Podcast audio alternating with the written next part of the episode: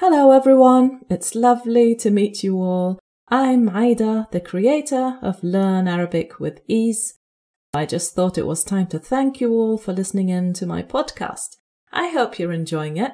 Also, for anyone who's finding it difficult to follow the audios, please remember that you'll find a full translation into English of the pre-intermediate episodes and Arabic vocabulary lists with their meanings in English for the intermediate episodes.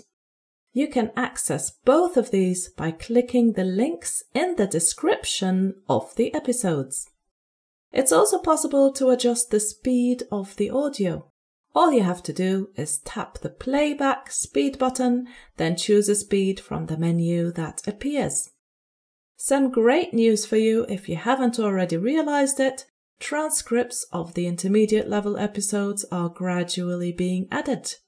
So far, around six transcripts are already available, so this should make it easier for you to follow while you listen to the respective episode. If you're enjoying my podcast, please don't forget to subscribe so that you don't miss out on any episodes and maybe leave me a nice comment or a lovely rating. Thank you all once more for being here with me. And if you're interested in joining a weekly conversation group with me in colloquial Arabic, send me an email to Aida, I-B-K-H, at gmail.com. Okay, bye bye for now.